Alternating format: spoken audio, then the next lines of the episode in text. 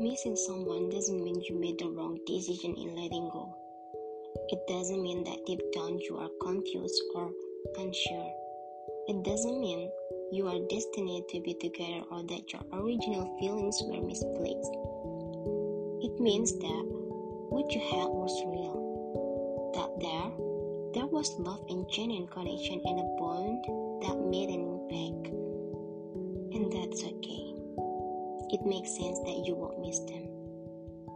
It makes sense that you will feel hurt and destroyed and sad. Healing doesn't happen overnight. It takes time to figure out how to navigate life without them.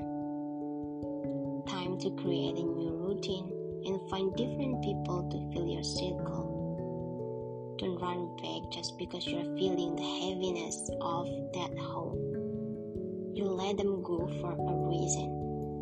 That reason hasn't changed just because they are not in your life. You cannot go back to what broke you. You cannot sacrifice your sanity and self care for a momentary feeling of discomfort. The sadness will pass, the hurt will fade, new people will take their place, and someday soon your heart will feel full again.